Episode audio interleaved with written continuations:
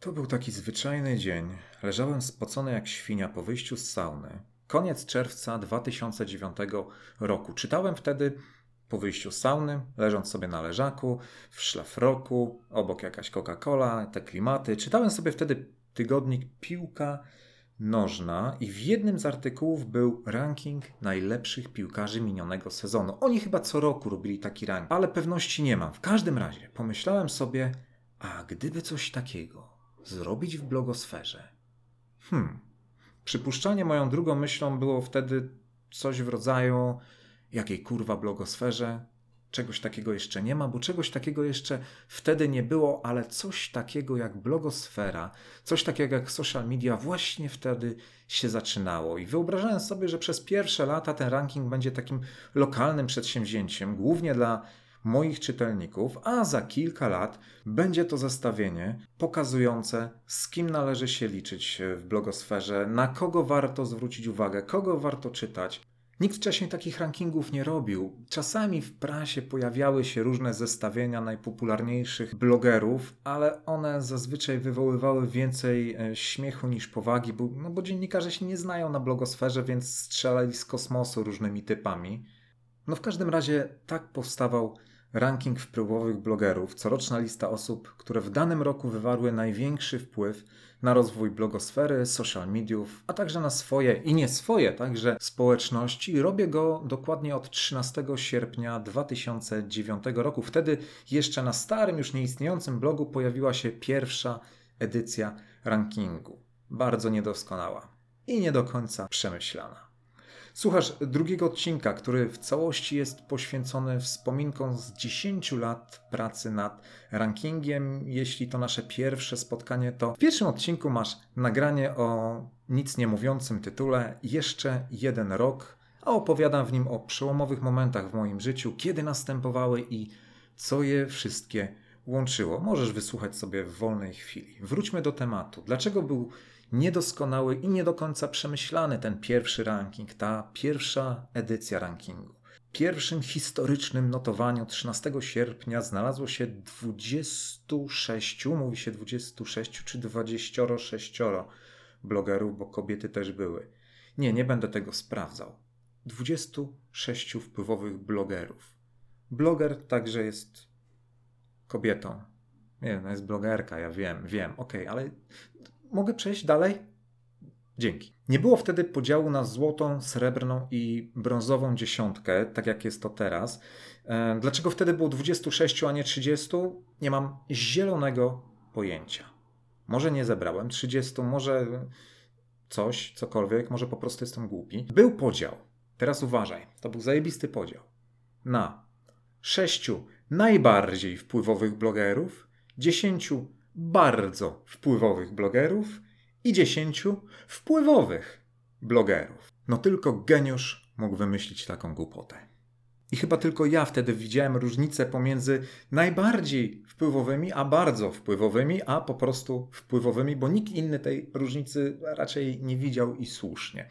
Szybko z tego zrezygnowałem, bo już w kolejnych edycjach od trzeciej, tak, od trzeciej edycji tego już nie było. W pierwszej szóstce tych najbardziej wpływowych blogerów znaleźli się Grzegorz Marczak, prowadzący blog Antyweb, Maciej Budzich, Kataryna, Janusz Korwin-Mikke, Zjadamy Reklamę oraz oczywiście fanfary, baczność, spocznij ja. No bo jak to? Ranking wpływowych blogerów beze mnie, no beze mnie, tak. Beze mnie było dopiero po, po kilku latach. Ja przez kilka pierwszych lat zawsze siebie wrzucałem do rankingu, bo uważałem się za wpływowego blogera. Ale hejterzy zawsze mieli używane i zawsze musieli mi wypominać, że tworzę rankingi, w których umieszczam samego siebie. Miałem to w pompie, tak po prawdzie miałem to w pompie. W któregoś roku nie pamiętam którego, 2013 lub 2014 siebie nie umieściłem w rankingu, ale to było chyba bardziej z tego powodu, że to był jakiś bardzo mocny rok i, i pomyślałem sobie, że no szkoda, żebym ja zajmował komuś wartościowemu miejsce w złocie i tak już potem zostało. Nigdy siebie już nie, nie, nie wrzucałem do rankingu. W ten oto sposób przestałem być wpływowym blogerem. I dopiero w kolejnym notowaniu które było, uwaga, miesiąc później, nie rok później, tylko miesiąc później.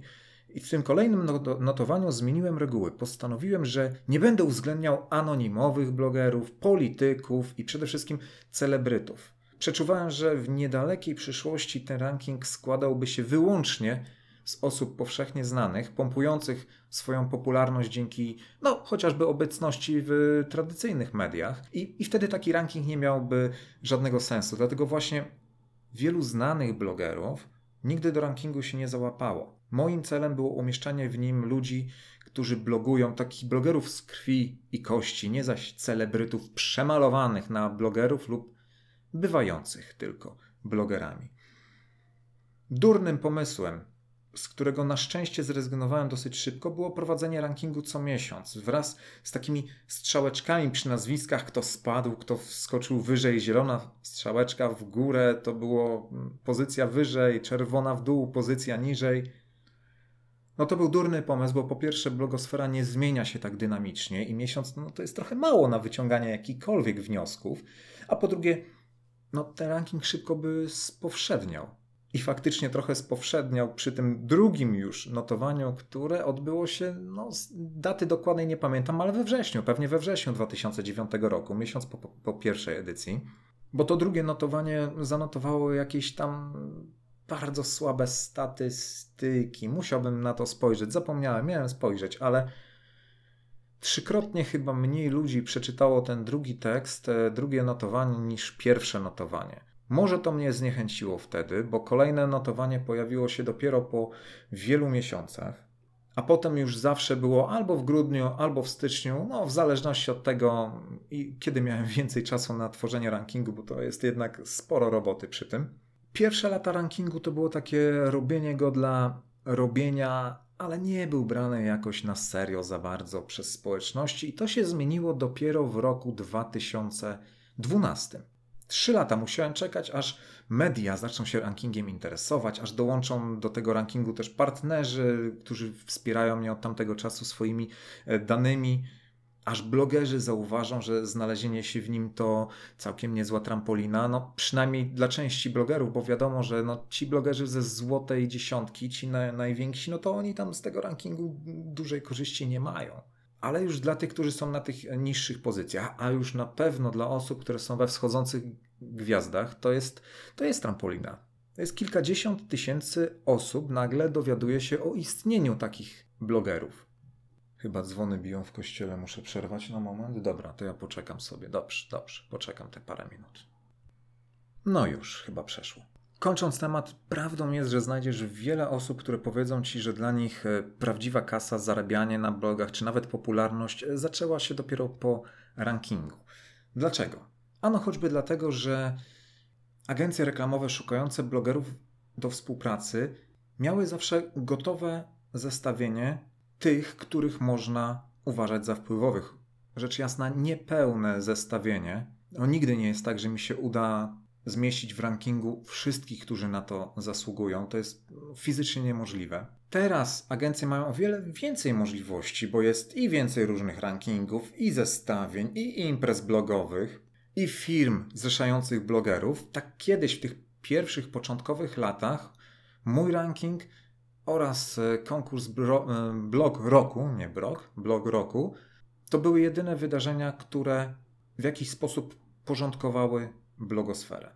Niestety wtedy, kiedy renoma rankingu rosła, zaczynały się problemy, bo jedni chcieli do rankingu się dostać, a inni w nim pozostać. Niestety jedną z cech, a być może także największą wadą rankingu jest to, że każdego roku oceniam działania wyłącznie za dany rok. I nawet jeśli ktoś sobie zajebiście radzi, to wcale nie oznacza, że ma za sobą lepszy rok niż inni. Dajmy na to na nieistniejącym przykładzie nieistniejącego blogera, który powiedzmy, że w jednym roku wybił się, wszyscy go pokochali, wypuścił może jakiś bestseller, był w mediach, no po prostu debeściak. W kolejnym roku wciąż jest zajebisty, popularny, lubiany i mniej lub bardziej wpływowy, ale brakuje mu czegoś nowego, czegoś, co w tym kolejnym roku go wybiło mocniej, jakiegoś efektu świeżości. No i on wtedy musi spaść w rankingu, ustąpić miejsca nowym osobom, które w danym roku wystrzeliły z czymś mocniejszym, z czymś nowym. Było wokół nich głośniej. I tu dochodzimy do innej kontrowersji, czegoś. Miałem wyłączyć powiadomienia. O, dobra. I tu dochodzimy do pierwszej kontrowersji, czegoś, co do dziś nie jest rozumiane nawet przez osoby, które od lat śledzą ranking. To jest ranking wpływowych blogerów, influencerów. Nieulubionych, nie najsympatyczniejszych, niepopularnych, nie zawsze, nie najbardziej utalentowanych. Więc jak dostaję maile z propozycją zamieszczenia danego blogera, to zwykle czytam w nich, że a, głosuję na tą i na tą, bo nikt tak jak ona nie opowiada o podróżach, nikt tak jak ona nie gotuje rosołu. Na przykład, albo że głosuję na tą i na tą, bo ją uwielbiam i tylko nią, ją, ją pochłaniam każdego dnia. Ja zostawię te pomyłki. Ty wiesz, że ja wycinam zawsze różne bzdury i rzeczy i skracam odcinek, ale pomyłki lubię sobie zostawiać. One nadają, nie wiem, wiarygodności takim nagraniom. Nie chcę brzmieć jak robot. Dość dygresji. Wracam do tematu. I takim osobom często, nieczęsto, czasami zadaję pytanie, takie bardzo proste pytanie. W jaki sposób osoba, którą proponujesz, wywarła na tobie wpływ w tym roku? I to pytanie zazwyczaj zabija, bo bardzo ciężko w przypadku większości twórców wskazać ten wpływ. Łatwo to zrobić w przypadku blogerów zajmujących się szeroko pojętą edukacją w każdym gatunku. I właśnie dlatego blogerzy, którzy przekazują wiedzę, motywują, inspirują, mają konkretny pomysł na siebie, przekazują jakąś wartość, nawet nie jakąś, taką konkretną wartość swoim odbiorcom, oni mają największe szanse na ranking. I jestem przekonany, że tak jak było w poprzednich latach, tak i w kolejnych, co najmniej połowa osób w rankingu będzie miała cokolwiek wspólnego z edukowaniem swoich odbiorców. I nie tylko swoich, ale to nie jest jedyne kryterium. I te kryteria bardzo zmieniały się przez lata. Tak bardzo, że te dawne, no dziś mogą wywołać śmiech. W pierwszej edycji pisałem, że o wpływie blogera, cytuję siebie teraz, o wpływie blogera na pewno świadczy ilość odwiedzin na blogu, treść komentarzy oraz ich średnia ilość, ilość cytowań, staż, staż, częstotliwość aktualizacji, przychylność reklamodawców. To świadczy o wpływie e, blogera. No nie byłoby w tym nic dziwnego, gdyby nie fakt, że wówczas były to jedyne kryteria w tych pierwszych edycjach. Wtedy miały sens. Dzisiaj żadnego, no bo na blogach coraz mniej piszemy. Już od dawna przestałem wymagać, aby przed publikacją rankingu, dwa miesiące przed publikacją rankingu było na blogu co najmniej 9 tekstów. Chyba taki wymóg był kiedyś. Staż? No nie, nie, nie ma większego znaczenia. Jak ktoś ma mały staż, to prawdopodobnie, chociaż nie zawsze, wyląduje w wschodzących gwiazdach, tak? Ale jak najbardziej można stać się bardzo wpływowym blogerem, mając staż zaledwie kilkumiesięczny, jednoroczny. Przychylność reklamodawców, mój Boże, no to teraz to już nie do pomyślenia jest takie kryterium. Kiedyś faktycznie przychylność reklamodawców wskazywała, że z danym blogerem czy warto się liczyć? No, może to jest złe określenie, ale że ten bloger coś sobą dobrego, wartościowego reprezentuje, bo kasy w blogosferze było mało bardzo niewielu blogerów współpracowało w ogóle z reklamodawcami. I jeśli jakiś reklamodawca decydował się wydać te 100 zł na reklamę, a bywało i mniej, bo pierwsze reklamy to u mnie były i za 25 zł, takie drobne, ale o tym może opowiem innym razem. Więc jeśli jakiś reklamodawca decydował się na współpracę, to faktycznie musiał to być ktoś, kto na to zasługuje. Dzisiaj się bierze jak leci, patrzy się na, na zasięgi, niekoniecznie na to, co dana osoba sobą reprezentuje, czy niekoniecznie na to, jaki ma wpływ na swoich czytelników. Więc współprac z reklamodawcami w zasadzie nie punktuje już. No, wyjątki mógłbym robić, ale to mówię tak teraz teoretycznie tylko, dobrze? Wyjątki mógłbym robić tylko przy okazji współprac z reklamodawcami, które w jakiś sposób były dla blogosfery, dla czytelników, dla losów świata i galaktyki przełomowe. Ale takich chyba nie ma. A jeśli są, to jest ich bardzo niewiele. Te kryteria, te pierwsze kryteria bardzo wbiły się do głów blogerów, bo do dziś wielu myśli, że popularność równa się wpływ. To nie jest prawda. Ja to wiem i ty też pewnie to wiesz, że nie zawsze ten, kto jest super popularnym blogerem, ma na ciebie jakikolwiek wpływ. Nawet jeśli czytasz tego blogera, czy blogerkę oczywiście, codziennie. Dzisiaj wielką popularność można zdobyć na różne sposoby. Wystarczy mieć aplikację Instagram w telefonie i trzy zdjęcia z cyckami. I już tu akurat w luźny sposób nawiązuje do kariery instagramerki, która, a już nawet nie pamiętam, Wolański, Kinsey, jakoś tak się nazywała, która zdobyła wielką, ogromną popularność, wbiegając na murawę stadionu w trakcie finału Ligi Mistrzów, a nie Ligi Europy. Ligi Mistrzów to chyba była Liga Mistrzów, tak? Nie wiem, czy takie blogerki można uznać za wpływowe. No, może i można. Inną kontrowersją, za którą może, może niewiele razy obrywałem, ale kilka razy oberwałem, to, że dla mnie wszyscy blogerzy są równi i nie ma znaczenia, czy ktoś jest lubiany, czy nie jest. Czy ktoś zabił swoją babcię i poćwiartował jej ukochanego kanarka, czy jest następną matką Teresą. I w związku z tym zawsze są hejty, może nie, nie, zawsze, kiedy w danym roku w rankingu znajdzie się autor, który w jakiś sposób podpadł społecznością, to są jakieś hejty. Coś może komuś ukradł, coś palnął głupiego, wywołał jakiś kryzys. Mnie to guzik obchodzi. Jeśli jest wpływowym twórcą, to oceniam go za to, co robił przez cały rok. Poza tym należę do tego wymierającego już gatunku ludzi, którzy nie oceniają innych przez pryzmat ich błędów. Najczęściej co roku najwięcej kontrowersji wzbudza dorzucanie do rankingu blogerek chociażby modowych. Bo jakże to? A jaki one mają na mnie wpływ? Ja się ubieram jak chcę. Czytam sobie i kasuję te komentarze. Zazwyczaj negatywnie piszą osoby, które danego influencera nie lubią. Tak po prostu nie lubią. I, I w mailach mi piszą: Mam nadzieję, że w tym roku nie będzie w rankingach tej głupiej tit, tit, tit, tit, oraz tamtej idiotki, co robi tit, tit, tit, i tego idioty z tit, tit, tit. Udało mi się zrobić cenzurę? Tak, udało mi się zrobić cenzurę chyba. Okej. Okay. Tak, takie, takie, takie maile dostaję, ale nie dziwię się im. No, z jakiegoś powodu ludzie chcą widzieć w rankingu osoby, które lubią i wydaje mi się, że to jest normalne. Ja niestety nie mam takiego komfortu i muszę do rankingu dawać osoby, których sam nie lubię. I robię to co roku. I te niektóre osoby, które są w rankingu, doskonale wiedzą, że my się wzajemnie nie lubimy, ale wiedzą też, że cholernie pilnuje, aby ten ranking był uczciwy, wręcz czasami do przesady pokazuje, jak bardzo nie liczą się dla mnie znajomości, bo nawet tych najbliższych mi osób, e, nawet te najbliższe osoby potrafię całkowicie wyrzucić z rankingu.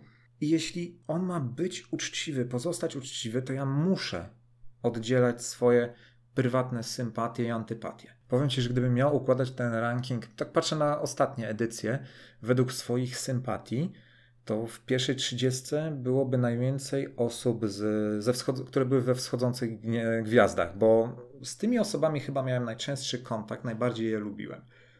Jedna blogerka kulinarna, tak, ale to było dawno temu. E, jedna blogerka kulinarna napisała mi kiedyś, że jeśli w rankingu będzie niżej niż blog prowadzony przez pana X, to ona nie chce być w tym rankingu. No okej. Okay. Pana X w rankingu nie było, ale i jej także nie. No trudno, żebym ulegał jakiejkolwiek presji, tak? No wtedy to by nie miało sensu robienie czegoś takiego. Generalnie to jest tak, że większość osób, która kiedykolwiek była w rankingu, nie przepada za mną. Bo oni oni nie zapamiętali faktu, że w rankingu byli. Zapamiętali to, że z niego wylecieli. No i wtedy wiesz, cała wina jest na mnie, bo skoro byli, to przecież ich lubiłem, a skoro wylecieli, to znaczy, że ich nie lubię, no to oni mnie też nie będą już lubić. To samo tyczy się osób, które w jednym roku są wyżej, w drugim niżej. Zawsze myślą, że spadli za jakąś karę, że czymś mnie urazili. Kurczę, no najczęściej spada się, bo ktoś miał bo ktoś inny miał lepszy rok. Poza tym nie ma czegoś takiego jak spadek. Lista jest zerowana każdego roku. Oceniam tylko dany rok. Gorsza pozycja nie oznacza, że ktoś był słabszy. Może i był, ale może po prostu inni mieli lepszy rok. No ale i tak się obrażają. I kończą się przyjaźnie i ci, którzy chętnie i często, gęsto ze mną pisywali prywatnie, przestawali się do mnie odzywać i pisali publicznie komentarze w rodzaju no i dobrze, że mnie tam nie ma, do niczego mi nie jest to potrzebne, albo dla mnie wartością nie są żadne rankingi, wartością jesteście wy, drodzy czytelnicy, bo to dla was tworzę, a nie dla żadnych rankingów. Jeden bloger, już nie powiem kategorii, bo za bardzo bym chyba nakierował, odetchnął kiedyś z ulgą, że nie załapał się do rankingu w kolejnym roku i nareszcie może tworzyć to, co chce, a nie to, co by pasowało, by znaleźć się w rankingu. Mówię o tym tak swobodnie i na luzie, ale prawda jest taka, że no w jakiś sposób bolały mnie takie teksty. No dobra, nie w mocny sposób. Może to ból to jest też za, e, za mocne słowo, ale też no nie, nie możesz przejść obojętnie, kiedy pisze ci to ktoś, z kim się znasz, tak? Z kim masz jakiś kontakt. Jak pisze obca osoba, jasne, można mieć to w pompie, no ale jeśli jest to twój kolega, znajomy, to nie jest miło. Pamiętam też była taka jedna blogerko, celebrytko, dziennikarka, która w mailu przekonywała mnie, że miała fantastyczny rok i do rankingu to ona jak najbardziej pasuje. To, no, to napisze do mnie tylko po to, by upewnić się, że to na pewno ona będzie w złotej dziesiątce. No, no, nie wprost tak napisała, ale taki wydźwięk miał jej mail. No ona w rankingu się w ogóle nie znalazła, bo no, lubiłem ją, ale nie spełniała żadnych kryteriów akurat. Nawet nie mówiła o sobie jako blogerka i w dniu publikacji rankingu wypluła na Facebooku zdania w rodzaju czy ktoś ten ranking bierze jeszcze na poważnie? Żenada. No i tak się znajomość zakończyła. Miałem też rozczarowania bliskimi, bardzo bliskimi mi osobami, które myślały, że będą w rankingu, bo są mi bliskie, ale w sumie o tym nie chcę mówić. Po latach myślę sobie, że może to nie miało żadnego znaczenia. Może gdzieś tam w jakimś 2013, 14, 15 mogłem jedną czy dwie osoby mi bliższe dorzucić do rankingu, mieć spokój i żadnych pretensji. Nikt by na to nie zwrócił uwagi, nikt by dziś tego nie pamiętał. Może i dobrze, że się mną wtedy rozczarowały. Nie będę rozwijał tego tematu. W każdym razie, pretensje są zawsze. Bardzo dużo wśród blogerek i blogerów parentingowych, bo oni chyba są najbardziej zazdrośni o sukcesy innych. O tych pretensjach bardzo często dowiadywałem się prywatnie, więc tutaj bliższych lub dalszych szczegółów podać nie mogę, aby nie zdradzać informatorów.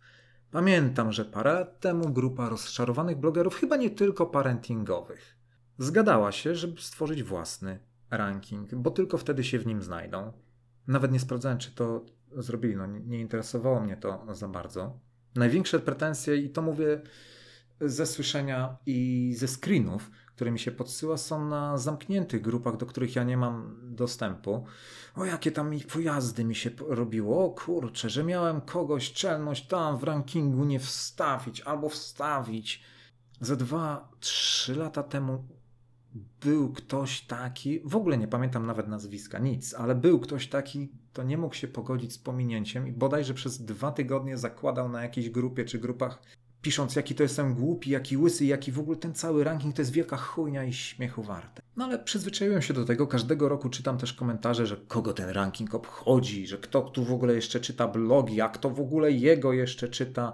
I to nie jest w ogóle interesujące. Takie komentarze to jest norma. One są co, za każdym razem od 2009 roku. Zawsze jest ktoś, kto czuje wielką potrzebę wbicia ci szpili. Niestety te komentarze muszą też czytać osoby, które są w rankingu. Hejterzy znajdą się zawsze, więc jeśli u ciebie takich hejterek się pojawi, a będziesz kiedyś w rankingu, to wiedz, że to jest absolutnie normalne. Zawsze jest ktoś, kto zamiast ucieszyć się, lub być obojętnym wobec jakiegoś tam durnego rankingu, tylko czeka na moment, żeby ci dowalić. Normą są też zarzuty o faworyzowanie niektórych osób i najczęściej dotyczyły to tych blogerów i blogerek, z którymi znałem się prywatnie, spotykałem się prywatnie lub łączyły mnie jakieś interesy. No, z Fashionelką, z Segritą w dawnych latach, bo teraz już nie, robiliśmy wiele kampanii i, i zawsze było kolesiostwo wrzuca swoje koleżanki, A jak Fashionelka i Segrita znikały z rankingu, bo Segrity to już w ogóle dawno nie było, a Fashionelka 2000, dopiero chyba w 2018 wróciła po jakimś czasie, po długiej przerwie do rankingu. Jak, jak znikały, to się znajdowały inne osoby, wobec których mi stawiano mi zarzuty, a jak wracały, to znowu. Och, kolesiostwo. Wymieniłem tylko te dwa takie najbardziej jaskrawe przykłady, bo je pamiętam z dawnych lat. Jak w kolejnym rankingu znajdzie się ta czy inna osoba, no to pewnie znowu przeczytam, że wrzucam swoje koleżanki i kolegów. A co do tych plotek, że kogoś faworyzuję, to jedno mnie dziwi. Dlaczego przez 10 lat nikt tego nie potwierdził? W ciągu 10 lat przewinęło się przez ten ranking, no sam nie wiem ile osób, na pewno grubo ponad 100, pewnie nawet i 200, tak? Może jeszcze więcej. Większość z nich była w rankingu tylko raz. Przykładowo ze złotej dziesiątki od 2009 roku nikt się nie utrzymał. W ogóle nie wiem, czy ktokolwiek się utrzymał z tych pierwszych edycji. Chyba tak, ktoś tam pewnie by się znalazł z tych 2000, nie wiem, 11, 12, ktoś by się znalazł, ale bardzo niewielu. To są pojedyncze osoby. Na palcach jednej stonogi bym to policzył. Większość osób, które kiedyś były w rankingu, dzisiaj nie są brane pod uwagę no, z różnych przyczyn. To nie to, że zaniżyli loty, no pewnie niektórzy tak, ale wielu się przebranżowiło, odnoszą sukcesy w innych dziedzinach. Wiele z tych osób dzisiaj mnie po prostu nie lubi, nie utrzymują ze mną kontaktu, część zapewne mnie nawet nie cierpi. I wśród tych wszystkich rozczarowanych osób ani jedna nie, nie wyznała, że było w rankingu kiedykolwiek cokolwiek nieuczciwego. Dziwne. No, prawda jest taka, że jeśli chodzi o ten ranking, to jestem takim trochę chujem dla najbliższych znajomych, bo przez cały rok jest fajnie, zajebiście, cacy, mamy kontakt, spotykamy się, a kiedy przychodzi do robienia rankingu, to o nich sobie zapominam. Myślę sobie czasami, jak ja bym się zachowywał na ich miejscu, o ile by mi zależało na jakimś rankingu. No, przypominam, ranking to nie jest sprawa życia i śmierci, to jest po prostu jeden z wielu głupich, durnych rankingów, których nikt nie czyta, tak?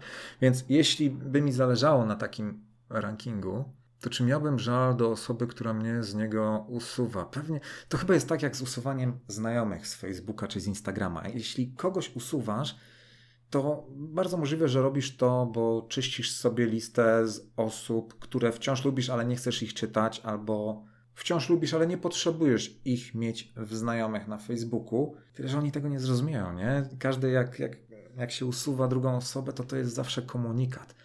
Hej, nie lubię cię, mam cię w dupie. Jak mnie ktoś przestaje gdzieś obserwować, usuwa, nie wiem, cofa subskrypcję newslettera, to też jest ta pierwsza taka myśl, cholera, no nie lubi mnie.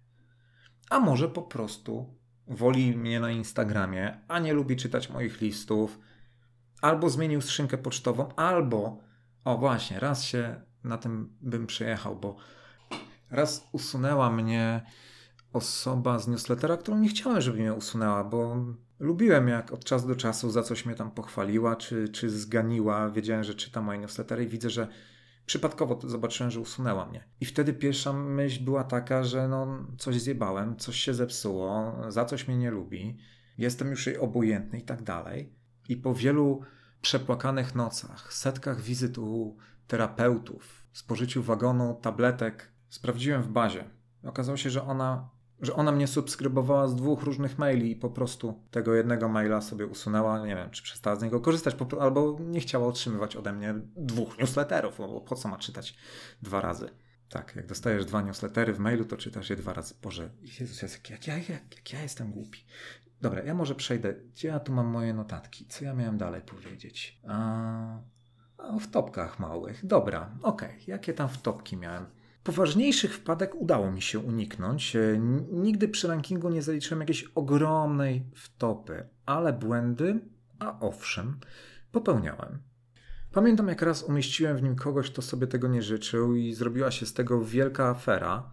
Nie mam o to pretensji do tej e, osoby. Wręcz przeciwnie, no, dzięki tej aferze ranking zanotował rekordową oglądalność i w kolejnych latach także. Ale zaliczam jak najbardziej to do swojej wpadki. Raz, e, nie mogę powiedzieć w którym roku, w ostatniej chwili usunąłem z rankingu, e, ze wschodzących gwiazd, nie z samego rankingu, ale ze wschodzących gwiazd, blogerkę, która fantastycznie się zapowiadała. Miała przepięknego bloga. Muszę teraz uważać, żeby nie nakierować na nią. Miała też przepiękny Instagram. Była też masterką, czyli mm, masterki to są uczestniczki moich szkoleń. I jak pierwszy raz do niej wszedłem, to od razu pomyślałem, że ach, tu się tworzy coś mocnego, coś dobrego. Niestety, przy ostatnich weryfikacjach, e, przy których pomagał mi znajomy, pan Lisu, e, zwrócił, on, on to znalazł, on to znalazł, on zwrócił uwagę na zastanawiający przyrost fanów na jej Instagramie. No ja w pierwszym odruchu zareagowałem obojętnością, bo nie widzę powodu, by usuwać kogokolwiek z rankingu tylko dlatego, że kupił sobie fanów. Bo jeśli dajmy na to, masz 50 tysięcy fanów, tak? Dokupujesz sobie drugie 50 tysięcy, to te pierwsze realne 50 tysięcy to jest wciąż ogromny wynik i wielkie osiągnięcie, tak? Fanów czy czytelników na blogu, nieważne gdzie, tak? Niestety w jej przypadku, bo on grzebał dalej, nie odpuścił, okazało się, że kupiła bardzo dużo fanów. Nie chcę teraz kłamać i wymyślać, bo nie pamiętam dokładnie, ale wydaje mi się, że to była ponad połowa jej e, rzekomej społeczności, a i nie mogliśmy w żaden sposób udowodnić, że pierwszą połowę zdobyła uczciwie. Napisałem do niej. Powiedziałem jej wprost, że kupiła fanów i że bez tego kupowania jej wyniki nie byłyby już tak zaskakujące, tak rewelacyjne, tak obiecujące. Co ciekawe, do wszystkiego się przyznała i pamiętam, że pomyślałem wtedy: OK, jeśli w kolejnych latach będzie dalej się dobrze rozwijać i nie będzie kupować fanów, to wezmę ją w tych kolejnych latach pod uwagę.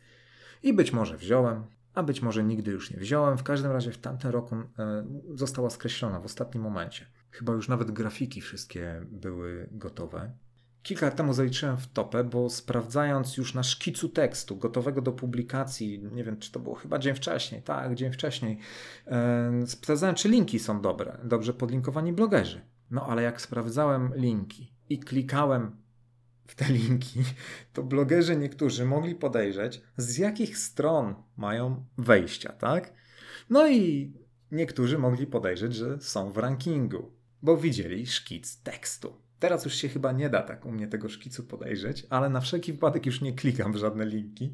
Bodaj, że Michał Górecki mi zdradził, że już dzień wcześniej wiedział, że jest w rankingu, ale chyba nikomu tego nie przekazał, za co jestem mu bardzo wdzięczny. Głupią w topę, no nie powiem z kim, bo, bo nawet jak teraz mówię, to jest mi głupio. Zaliczyłem przy opisie pary blogerów lifestyle'owych. To też było wiele lat temu. Mówiąc, że ci blogerzy lifestyle'owi, oni byli, oni są parentingowymi oni dzieci nie mieli. Głupia wtopa, no, że miejsce w rankingu się wtedy należało, to nie było żadnych wątpliwości, ale mogło wyglądać to tak, że ja nawet nie sprawdzałem, kogo wstawiam, albo no, różnie bywa, z jakichś powodów nie mogą mieć dzieci i taki dopisek przy ich nazwisku byłby bolesny. Na szczęście nie był. Zdanie szybko poprawiłem. Dyplomatycznie odpowiedzieli mi, że no wcale tam nie jest wykluczone, kto wie co przyniesie przyszłość i tak dalej, i tak dalej. A ja się pomyliłem. No, z rozpędu napisałem parentingowi, bo jak jest on i ona, to albo są podróżnikami, albo są parentingami. Zawsze. Dobra, prawie zawsze. Prawie, prawie, prawie zawsze. Nigdy nie było przecieków. To jest niezwykłe, ale hej, może o czymś nie wiem, więc daj mi znać. Ale nie, nigdy nie było przecieków, bo w pierwszych latach byłem jedyną osobą, która przed publikacją zna ła, ostateczną trzydziestkę. Od kilku lat dostęp do tej trzydziestki na kilka dni przed publikacją ma firma Press Media Monitoring Mediów. Oni przygotowują świetne zestawienia pokazujące obecność w mediach najbardziej wpływowych blogerów. No ale do nich, jak zresztą do każdego partnera, mam pełne zaufanie. Brand24 nigdy nie, nie, nie, nie puścił farby. Sotrender, tak się mówi, nie? Puścić farbę. Sprawdzę to potem. Sotrender również. Nawet, nawet, również, nie nawet również chłopaki z designom.pl, którzy graficznie, od strony graficznej przygotowują cały, cały ranking, dostają ode mnie listę nazwisk. Nic też nikomu nigdy nie powiedzieli, a Kuba z designem jest yy, z, połączony rodzinnymi koneksjami z jednym z blogerów, którzy wiele razy w rankingu byli. Nie wiem, może coś mu tam przekazywał, ale ja o tym nie wiem. Nic nigdy nie dowiedziałem się, żadnych przecieków chyba nie było. W ogóle to pojawienie się partnerów to był dla mnie taki game changer przy, przy rankingu, bo w końcu to przestało być zestawienie w całości stworzone wedle mojego widzimisię, bo nie ukrywajmy, tak, te pierwsze edycje 10 lat temu, no to to było w ogromnym, największym, 90% moje, moje widzimisię, moje postrzeganie tej rodzącej się dopiero blogosfery. A teraz Brand24 przygotowuje fantastyczne infografiki o Twitterze, o Instagramie. Soultrender ma działkę facebookową, też instagramową też trochę, ale, ale Soultrender najwięcej danych e, ma e, z Facebooka. Press Service e, Monitoring Mediów z kolei są moim najmłodszym partnerem. Chyba dopiero od pięciu lat jesteśmy razem. Może trochę dłużej. Pamiętam, że w jednym roku było bardzo głośno, kiedy pierwszy raz Press Media dorzuciły do rankingu ekwiwalent reklamowy. Nikt nie rozumiał, co to jest, a, inaczej wszyscy myśleli, że rozumieją, co to jest. Więc jeśli przy ekwiwalencie reklamowym, przy danym blogerze ekwiwalent reklamowy wyniósł ileś milionów złotych, to media i to takie media z tej górnej półki, które powinny trochę sprawdzać informacje, rozpisywały się, ile to każdy bloger jest wart. Tu ma fashion tyle, tam Jessica tyle milionów i tak dalej, i tak dalej. Ekwiwalent reklamowy to Mówiąc dużym skrótem, kasa, jaką byś wydał na reklamę, gdybyś ją wykupił na taki czas antenowy, w jakim w mediach byłeś. Ojejku, y, dobra, dobra, na, na konkretnym przykładzie. Jeśli z, jesteś w mediach, w telewizji, masz przez 5 minut wystąpienie, to oni to przeliczają na ile by kosztowała 5-minutowa e, reklama z tobą. To jest takim bardzo dużym, ogólnym skrócie. Nie, nie traktuj tego jako definicji. Staram się tylko zobrazować to i wytłumaczyć Ci, że ekwiwalent reklamowy nie ma kompletnie nic wspólnego z wartością blogera. Po prostu im ktoś więcej jest w mediach, tym bardziej rośnie jego ekwiwalent reklamowy, który ma przełożenie dosłownie na nic, tak naprawdę. Ale jest fantastyczną ciekawostką. I pamiętam, jak oni pierwszy raz do mnie napisali, powiedzieli mi, jakie tam dane mogą przesłać, to mi się od razu żaróweczka i oczy zapaliły, jak tylko przeczytałem o ekwiwalencie reklamowym, bo ja wiedziałem, że to będzie hit.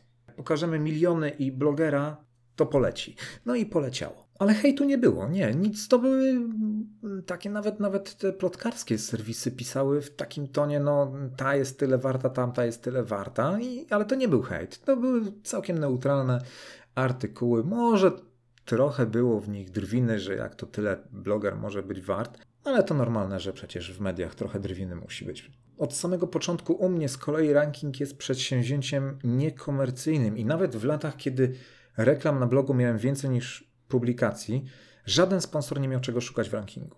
Nie wiem, czy to dobrze, czy źle, w sumie komu by to przeszkadzało. Gdyby był jakiś wiem, sponsor, główny mecenas, mecenat, Zawsze to mylę. Nie jest mecenas. Mecenat nad rankingiem można mieć, tak? Ok. Sponsor główny rankingu jakaś dobra, duża, fajna firma, ale nie, nie, nie. Nie mam takich planów. Na razie nie chcę tej tradycji niekomercyjności zmieniać, bo wydaje mi się, że część ludzi szukałaby dziury w całym. Zaczęliby, jeśli na przykład sponsorem rankingu byłaby Coca-Cola, to szukaliby blogerów, którzy z Coca-Colą współpracowali i pewnie wyciągnęliby wnioski, że to dlatego są w rankingu, tak? Tak jak wspomniałem wcześniej, w top wielkich, takich gigantycznych to nie zaliczyłem, ale popełniałem bardzo dużo błędów, pomijając wielu blogerów. Niestety, no nie jestem w stanie ogarnąć całej blogosfery. Zawsze znajdzie się ktoś, kogo niezasłużenie nie uwzględnię w rankingu w danym roku. Często naprawiałem ten błąd w kolejnym roku, umieszczając daną osobę. Przyznawałem się do tego, że rok wcześniej byłem idiotą. Czasami Czasami też czułem, że kogoś umieszczam niżej niż zasługuje, a nawet niżej niż się spodziewa. W ramach możliwości w kolejnym roku również starałem się takie błędy poprawiać, no nie zawsze się to udawało, wiadomo. Najbardziej przy pracy nad rankingiem lubię wynajdywać nowe blogi do wschodzących gwiazd. Czasami mam nosa, czasami kompletnie przestrzelę, a zbierając wspomnienia do, do tego nagrania, spojrzałem na ranking z 2013 roku i tutaj sobie zapisałem. Wschodzące gwiazdy z 2013 roku. To wiesz, schodzące gwiazdy, nieznani jeszcze szerzej blogerzy i powiem Ci, jak się zdziwiłem, jakie tam nazwiska wtedy się znalazły. Ja kompletnie o tym nie pamiętałem. Wymienię Ci kilka tylko nazwisk ze wschodzących gwiazd z tamtego rocznika. Ania maluje, Anwen, gdzie wyjechać wędrowne motyle, Halo Ziemia, Jadłonomia, mamy gadżety, matka jest tylko jedna, Niszka, rodzina bez granic, Tasteaway, Stayfly, tata w pracy, tekstualna i tak dalej, i tak dalej. Tych blogów było jeszcze, jeszcze więcej. Jak ich zobaczyłem, to sobie pomyślałem, wow, 2013 to był naprawdę mocny rocznik, bo przecież wszyscy oni, jeśli w ogóle interesujesz się blogosferą, social mediami, no to chyba znasz każde nazwisko, każdą markę, którą przed chwilą wymieniłem, a przynajmniej 80% z nich, tak? Ja zapomniałem, że oni byli y, w rankingu jako wschodzące gwiazdy. No, no wiesz, to było wiele, wiele lat temu. No, to, że są wspaniałymi blogerami, to oczywiście pamiętam na co dzień. Połowę z nich że zresztą sam obserwuję. Niestety, to zestawienie wschodzących gwiazd blogosfery jest mocno niedoskonałe w swej formie. Raz, że no, bardzo trudno wybrać tych 15 czy 30, bo no, codziennie powstają nowe, nowe blogi, codziennie powstają nowe marki. Dwa, że do wschodzących gwiazd wybieram tych autorów, którzy najlepiej według mnie rokują, ale nie mam wtedy tych samych kryteriów jak przy głównym rankingu. We wschodzących gwiazdach nie szukam wpływu. I wiele wschodzących gwiazd świetnie się rozwinęło, ale nigdy nie znaleźli się w głównym rankingu, bo są po prostu fantastycznymi autorami, ale niekoniecznie wpływowymi. To nie jest ich działka, nie jest ich kategoria, nie jest ich cel, nie aspirują do bycia wpływowymi. I przeglądając poprzednie edycje rankingu, zauważyłem, że no tak jak przed chwilą mieliśmy 2013 rok i, i, i same wielkie gwiazdy, tak już e, w latach e, późniejszych, 2017-18, do tego głównego e, rankingu wchodziły pojedyncze osoby. Czy dlatego, że właśnie no, wybierałem do wschodzących takie, które świetnie rokują jako autorzy, niekoniecznie jako wpływowi autorzy? Być może. Czy jest teraz trudniej się przebić i być wpływowym blogerem? Zdecydowanie tak. Jest dużo trudniej na pewno niż było to 10 lat temu. Bo jeśli ktoś buduje bardzo solidną markę i jest na przykład w złocie, jest e, wpływowym blogerem w dziesiątce najbardziej wpływowych blogerów, no to jest całkiem duża szansa, że będzie w tej dziesiątce albo przynajmniej w dwudziestce w kolejnym roku także albo będzie wracał co, co parę lat. Wielu blogerów tak, tak e, było, że co parę lat wracali. I na koniec, bo chyba tego nie wytłumaczyłem, dlaczego w ogóle ranking wpływowych blogerów, a nie najlepszych, najpopularniejszych, najsympatyczniejszych, tu odpowiedź jest prosta. Nie chciał, jednym z powodów, to jest jeden oczywiście z powodów, Pierwszy, jeden z powodów jest to, że nie chciałem podpierdalać e, pomysłu Onetowi, bo nie byłem pierwszy, który robił zestawienia blogerów. Pierwszy był Onet i ze swoim blogiem roku, imprezą, która była zawsze styczeń, luty jakoś tak, ze swoim blogiem roku porządkował y, blogosferę od 2005 y, lub 2006 roku. I oni trochę wyprzedzili wtedy epokę, bo pamiętam, że w tym 2006 bodajże roku główną nagrodą za bycie tym blogerem roku, była u nich wycieczka, chyba do Chin, i to taka wcale niezła wycieczka. Wiesz, to wtedy, w czasach, kiedy nikt nie zarabiał na blogu, nie, nawet złotówki, nie było żadnych reklam, nie było mowy o czymś takim jak pieniądz i blog, i w czasach w tamtych czasach dawać blogerom jakieś nagrody, jakąś, jakieś, jakieś e, wartościowe rzeczy, no to to wow, to był szok. Dla mnie też, aczkolwiek ja nigdy akurat w blogu roku nie wystartowałem, bo czułem, że raczej bym nie wygrał. Oni zawsze wybierali takie bezpieczne blogi. Niekontrowersyjne, nie wzbudzające jakiejś niechęci. Byli w swojej formie niedoskonali, bo w pierwszych latach e, jury składało się z osób znanych, z dziennikarzy, z jakichś tam piosenkarzy czy, czy e, celebrytów i oni wybierali e, blogera roku w danej kategorii. A jak ktoś nie siedzi w blogosferze i dostaje do przejrzenia ileś dziesiąt blogów, no to przestańmy się oszukiwać. Raczej drogie jury by nie czytało uważnie wszystkich blogów, chociaż być może i tacy e, znajdowali się. Później, później blog, e, e, nie blog, Onet brał też do jury blogerów. Mnie nie akurat. Mnie chyba nie lubili. Mnie, nie, mnie nie brali blogerów i wtedy to wyglądało dużo lepiej, ale też wzbudzali kontrowersje przez to, że żeby dostać się do którejś tam, czy do finału, czy do którejś tam eliminacji, trzeba było wysyłać SMS-y na danego blogera. No i tak, to wzbudzało kontrowersje, bo wiadomo, że największe szanse wtedy mieli ci blogerzy, którzy mają zasięg. Bo jak biedna Marysia e, z bloga o Pokémonach miała zasięg 150 osób, no to trudno, żeby konkurowała z kimś, kto miał zasięg 100 tysięcy osób, tak? A biedna Marysia sama 10 tysięcy SMS-ów by nie natrzepała, no nie zdążyłaby. Ale tak to jest z rankingami, no przecież mój też jest y, bardzo niedoskonały, tak? Choćby dlatego, że e, w dużej mierze ja decyduję, kto będzie w tym rankingu i przecież no, doskonale zdaję sobie sprawę, że choćbym nie wiem jak bardzo starał się być uczciwy, rzetelny i sprawiedliwy, to nie, no ni cholery, nie ma tak, że uda się kiedykolwiek zrobić e, doskonały ranking. A wybrałem temat wpływowych blogerów, bo wydawało mi się wówczas, że w przyszłości reklamodawcy i czytelnicy będą najbardziej szukać właśnie blogerów, którzy w jakiś sposób wpływają, zmieniają na lepsze lub na gorsze ich życie.